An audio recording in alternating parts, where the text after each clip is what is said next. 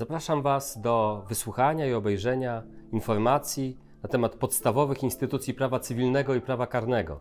Zacznijmy więc od prawa cywilnego, które reguluje różne dziedziny życia społecznego. Jako pierwszą wymienić należy normy prawne, które regulują kwestie władania nad rzeczą, a więc prawo rzeczowe, które składa się z takich podstawowych pojęć jak własność, a więc nieograniczone prawo do władania i rozporządzania rzeczą, użytkowanie wieczyste, ustanowione na okres od 40 do 99 lat na gruntach jednostek samorządu terytorialnego czy też Skarbu Państwa, użytkowanie, a więc korzystanie z cudzej rzeczy i jednocześnie pobieranie z niej pożytków, służebność, która obejmuje obciążenie cudzej rzeczy, prawem, na przykład służebności drogi, gdy dana nieruchomość nie ma własnego dojazdu, zastaw, a więc zabezpieczenie wierzytelności majątkiem dłużnika, gdyby ten nie mógł wywiązać się ze zobowiązania, hipoteka, zabe- zabezpieczenie wierzytelności pieniężnej z zabezpieczonej nieruchomości. Nadto własnościowe, spółdzielcze prawo do lokalu, gdzie wprawdzie właścicielem nieruchomości jest spółdzielnia mieszkaniowa, ale osoba dysponująca tym prawem może nim rozporządzać. Natomiast spółdzielcze prawo do lokalu, tam właścicielem jest spółdzielnia mieszkaniowa, a, ospo- a osoba dysponująca tym prawem nie może rzeczą swobodnie rozporządzać. Jako drugi rodzaj regulowanych spraw przez prawo cywilne należy wskazać prawo zobowiązań, które reguluje różne rodzaje umów, takie jak najem, sprzedaż, darowizna, pożyczka, ubezpieczenie i określa prawa i obowiązki stron umowy. Kolejną kategorię stanowi prawo rodzinne, które określa stosunki prawne w rodzinie, jak również kwestie związane z zawarciem związku małżeńskiego, jego ustaniem, prawa i obowiązki małżonków, prawa i obowiązki dzieci, władzę rodzicielską, kwestie przysposobienia, obowiązki rodziców wobec dzieci, na przykład alimentacje, czy też różnego rodzaju konfiguracje ustrojów majątkowych małżeńskich. Przedmiotem regulacji prawa cywilnego są również kwestie wynikające z prawa spadkowego, a więc związane z, z przejściem majątku osoby zmarłej na inne osoby czy też podmioty. Po, po otwarciu spadku spadkobiercy mogą otrzymać część majątku osoby zmarłej w dwojaki sposób. Albo poprzez dziedziczenie testamentowe, albo poprzez dziedziczenie ustawowe, gdy osoba zmarła nie pozostawiła testamentu, albo zawierał on wady prawne. Dziedziczenie testamentowe może być ustanowione przez testament własnoręczny, jako akt notarialny, albo przekazane ustnie. Natomiast z dziedziczeniem ustawowym związane jest powołanie do spadku w następującej kolejności: małżonka i dzieci zmarłego, w dalszej kolejności kolejnych wstępnych, a w przypadku ich braku małżonka i wstępnych. Prawo cywilne obejmuje również prawo handlowe, a więc tę część prawa gospodarczego związaną z działalnością osób fizycznych jako przedsiębiorców, kwestie e, prawa upadłościowego i działalności spółek. Przejdźmy teraz do podstawowych pojęć prawa cywilnego.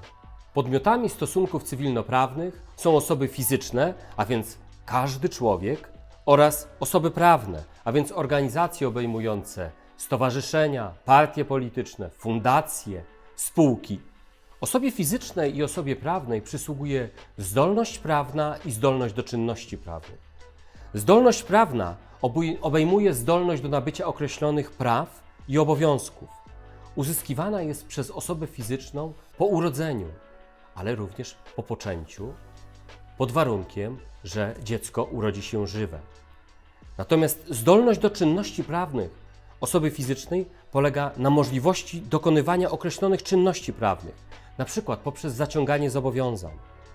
Pełną zdolność do czynności prawnych posiada osoba pełnoletnia, a więc ta, która ukończyła 18 rok życia. W wyjątkowych przypadkach kobieta e, za zgodą sądu po wejściu w związek małżeński po ukończeniu 16 roku życia. Ograniczoną zdolność do czynności prawnych posiada osoba, która ukończyła 13 rok życia albo ubezwłasnowolniona częściowa. Taka osoba może nabywać prawa i zaciągać zobowiązania jedynie za zgodą przedstawiciela ustawowego. Natomiast brak zdolności do czynności prawnych, cechuje osoby, które nie ukończyły 13 roku życia bądź są ubezwłasnowolnione całkowicie.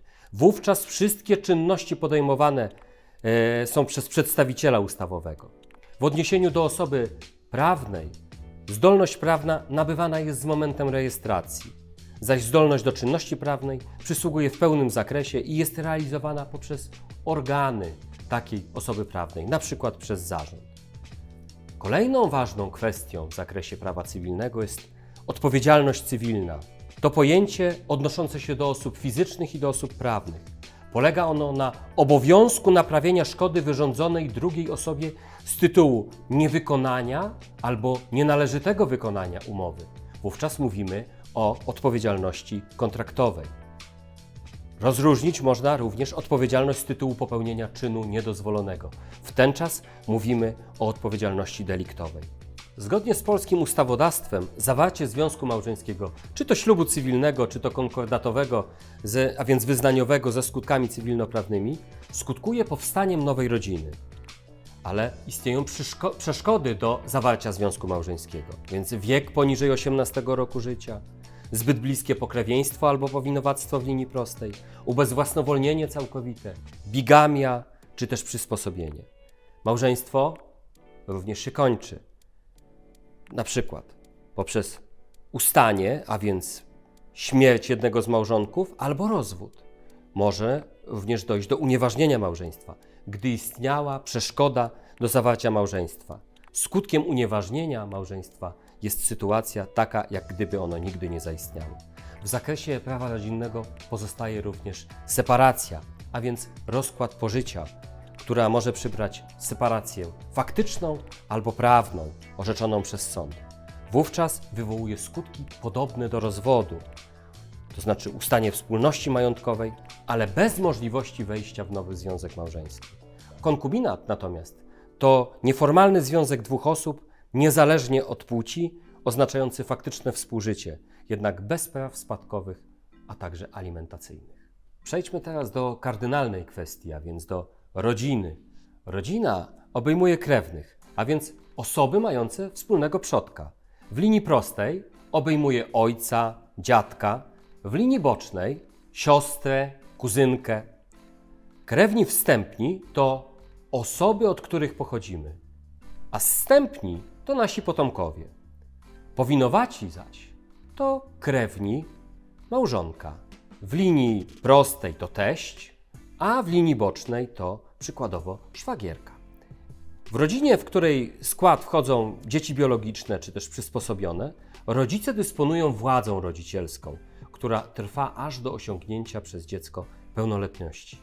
Pozbawienie tej władzy rodzicielskiej przez sąd rodzinny może nastąpić wtedy, gdy nie może ona być wykonywana z powodu stałej przeszkody, na przykład całkowite ubezwłasnowolnienie rodzica. Rodzice nadużywają władzy rodzicielskiej. Rodzice w sposób rażący zaniedbują obowiązki wobec dziecka. Rodzice w sposób trwały nie interesują się dzieckiem. Ograniczenie i zawieszenie władzy rodzicielskiej może mieć miejsce wówczas, gdy wystąpi przeszkoda w jej sprawowaniu, ale ma ona charakter przemijający albo dobro dziecka jest zagrożone. Zainteresowaniem prawa rodzinnego jest, są również kwestie związane z prawami i obowiązkami dziecka. Jeśli chodzi o prawa dzieci, to one obejmują prawo do tożsamości dziecka, do godności, do prywatności, do opieki ze strony rodziców, do, do podejmowania autonomicznych decyzji przy uwzględnieniu zaleceń formułowanych e, dla jego dobra, działania zgodnie z jego dobrem. Natomiast obowiązki dzieci polegają na pomocy we wspólnym gospodarstwie domowym, realizacji obowiązku nauki do ukończenia 18 roku życia, a także współfinansowania kosztów rodzinnych, gdy dziecko ukończyło 16 rok życia i uzyskuje dochód. Sprawy z zakresu prawa cywilnego rozpoznawane są przez sąd w dwóch trybach: w trybie procesowym oraz trybie nieprocesowym. Tryb procesowy ma charakter sporu. Wszczynany jest przez złożenie powództwa. Powód występuje z żądaniem, a pozwany to osoba, przeciwko której skierowany jest taki środek. To postępowanie kończy się wyrokiem. Natomiast w trybie nieprocesowym postępowanie wszczyna się na wniosek strony lub z urzędu. Wówczas sprawa nie ma charakteru spornego, kończy je wydanie postanowienia. Teraz nastał czas, żebyśmy pożeglowali w kierunku prawa karnego. Prawo karne to w najszerszym ujęciu obejmuje odpowiedzialność prawną człowieka za czyny popełnione pod groźbą kary, popełnione przez działanie albo zaniechanie. Do takich czynów zaliczamy przestępstwa i przestępstwa skarbowe oraz wykroczenia i wykroczenia skarbowe. Przestępstwo to czyn człowieka stanowiący naruszenie przepisów prawa wynikających z ustawy obowiązującej w czasie jego popełnienia pod groźbą kary, którego stopień społecznej szkodliwości jest wyższy niż znikomy i jednocześnie zawiniony. Przestępstwa dzielimy na zbrodnie i występki. Zbrodnią jest czyn zabroniony, zagrożony karą pozbawienia wolności powyżej lat trzech albo karą surowszą. Zbrodnia może być popełniona tylko umyślnie, godzi w podstawowe dobra chronione prawem, np. życie czy też zdrowie. Występek stanowi czyn popełniony umyślnie albo nieumyślnie. Zagrożony jest karą grzywny powyżej 30 stawek dziennych, ograniczeniem wolności albo pozbawieniem wolności powyżej miesiąca. Umyślność natomiast obejmuje świadomość i zamiar popełnienia czynu zabronionego. Natomiast nieumyślność polega na popełnieniu czynu bez zamiaru, w związku z naruszeniem reguł ostrożności, a więc w sposób lekkomyślny lub niedbały. Wykroczenie obejmuje zaś czyny opatrzone sankcją karną administracyjną, karą aresztu od 5 do 30 dni, karą ograniczenia wolności miesiąc, grzywny do 5 tysięcy złotych oraz naganą. Wykroczenie może się również zakończyć w formie postępowania mandatowego. W postępowaniu karnym przestępstwa ścigane są z oskarżenia publicznego oraz z oskarżenia prywatnego. Z oskarżenia publicznego przestępstwa ścigane są z urzędu, przykład zabójstwo, rozbój, podrobienie dokumentu, ale również są ścigane na wniosek, jak przykład zniszczenie cudzej rzeczy, groźba karalna. Natomiast przestępstwa ścigane z oskarżenia prywatnego obejmują czyny skierowane przeciwko godności jednostki. Jednostka może tym uprawnieniem swobodnie dys dysponować. Jeśli chodzi o naruszenia, obejmują one znieważenie, zniesławienie, naruszenie nietykalności cielesnej, czy też lekkie uszkodzenie ciała. Oskarżycielem przed wszystkimi sądami w Polsce jest z zasady prokurator. Natomiast przestępstwa ścigane z oskarżenia publicznego pozostają w dyspozycji oskarżyciela prywatnego, a więc pokrzywdzonego. Konsekwencją uznania za winnego przestępstwa jest skazanie i finalnie wymierzenie kary przez sąd. Sąd może wymierzyć karę grzywny, karę ograniczenia wolności, karę pozbawienia wolności, karę 25 lat pozbawienia wolności albo karę dożywotniego pozbawienia wolności.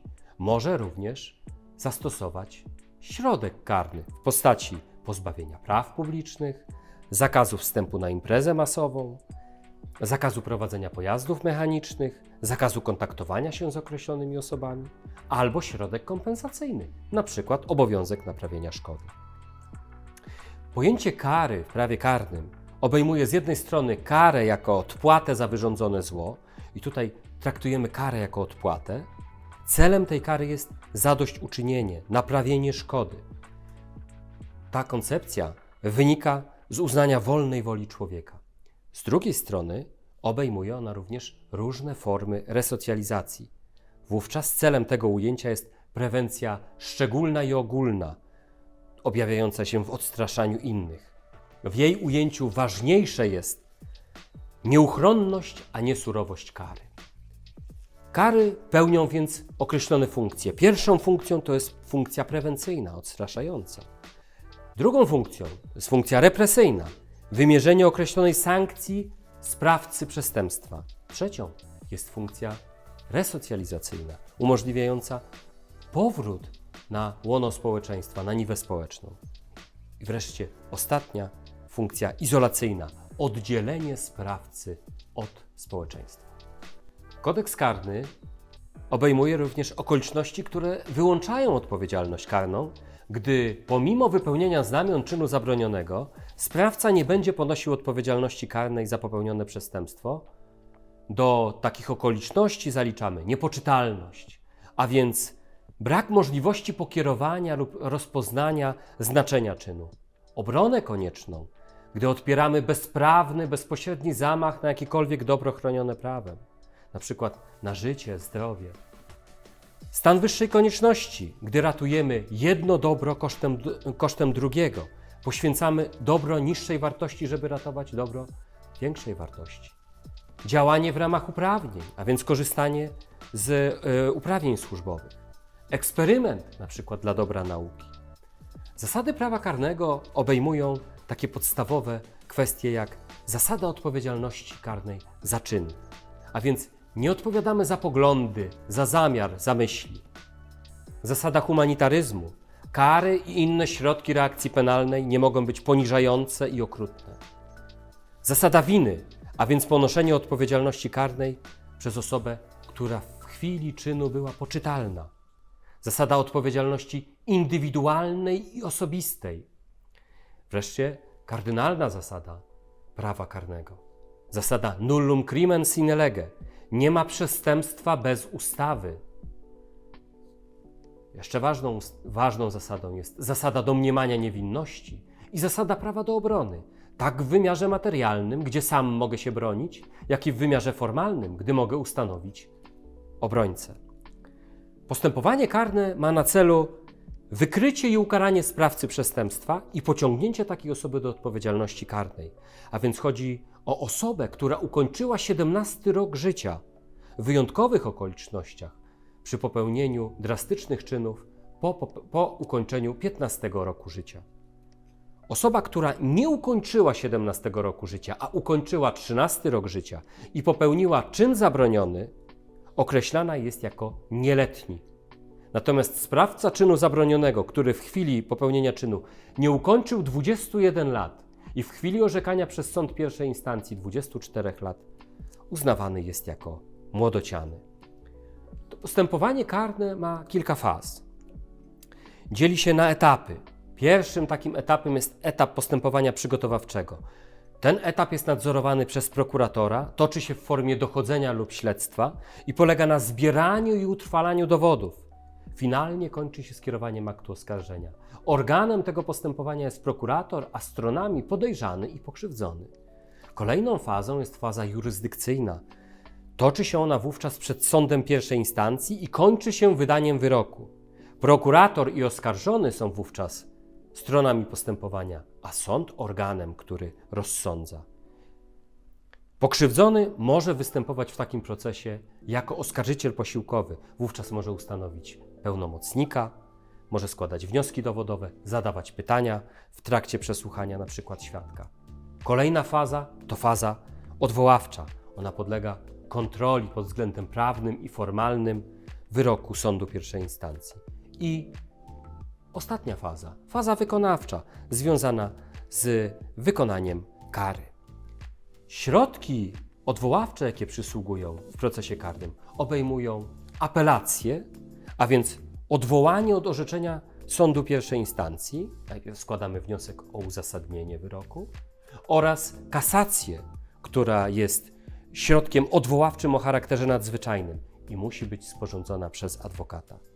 W procesie karnym rolę oskarżycielską pełni oskarżyciel publiczny, prokurator, a oskarżyciel posiłkowy, e, którym jest pokrzywdzony.